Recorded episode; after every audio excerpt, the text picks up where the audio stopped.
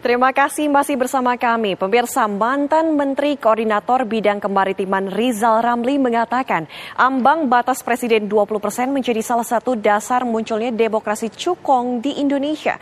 Berikut pernyataan Rizal Ramli dalam sidang perdana gugatan uji materi terkait penghapusan ambang batas syarat pencalonan presiden atau presidential threshold 20 persen di Mahkamah Konstitusi.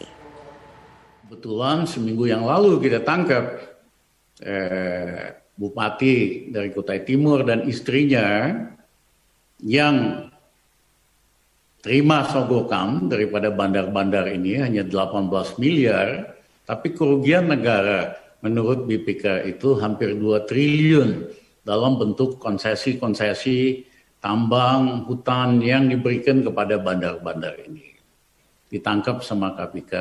Nah kasus ini bukan kasus yang unik Pak Hakim hampir terjadi ya 82 persen di semua pemilihan menurut KPK maupun Pak Mahfud itu terjadi pola begini.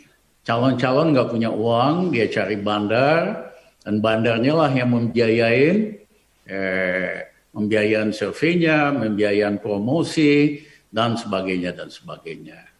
Nah menurut kemat kami, inilah yang merusak kenapa demokrasi di Indonesia tidak mampu membawa keadilan dan kemakmuran.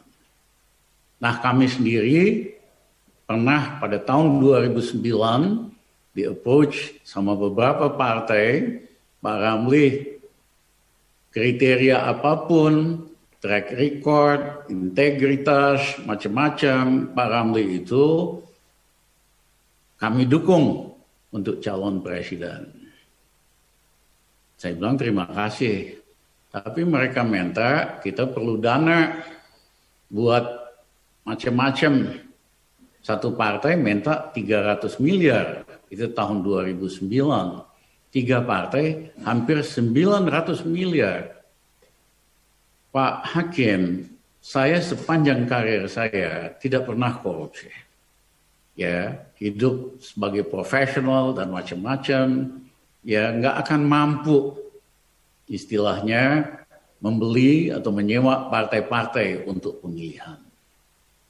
Tentu kalau saya mau, saya juga banyak teman-teman orang bisnis minta sponsorin saya untuk membiayain itu. Buat mereka ini kecil, tapi saya nggak mau utang budi. Ya, kita ingin betul-betul ya bekerja untuk rakyat dan bangsa kita. Hanya utang budi kepada rakyat bukan kepada bandar-bandar. Nah, ini terjadi di berbagai level, Pak Hakim.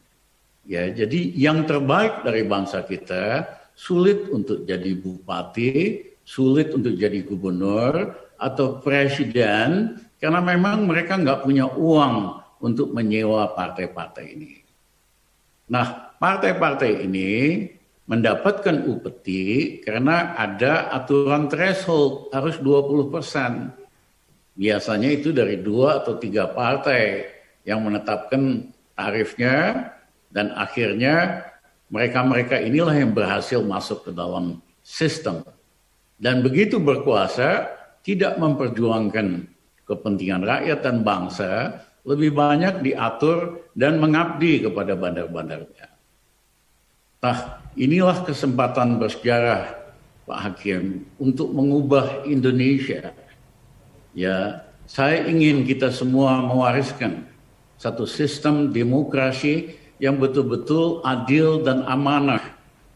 Eh, sehingga yang terbaik dari bangsa kita bisa nongol di berbagai level kepemimpinan. Iya, baik Pak Rizal, nah, dipersingkat.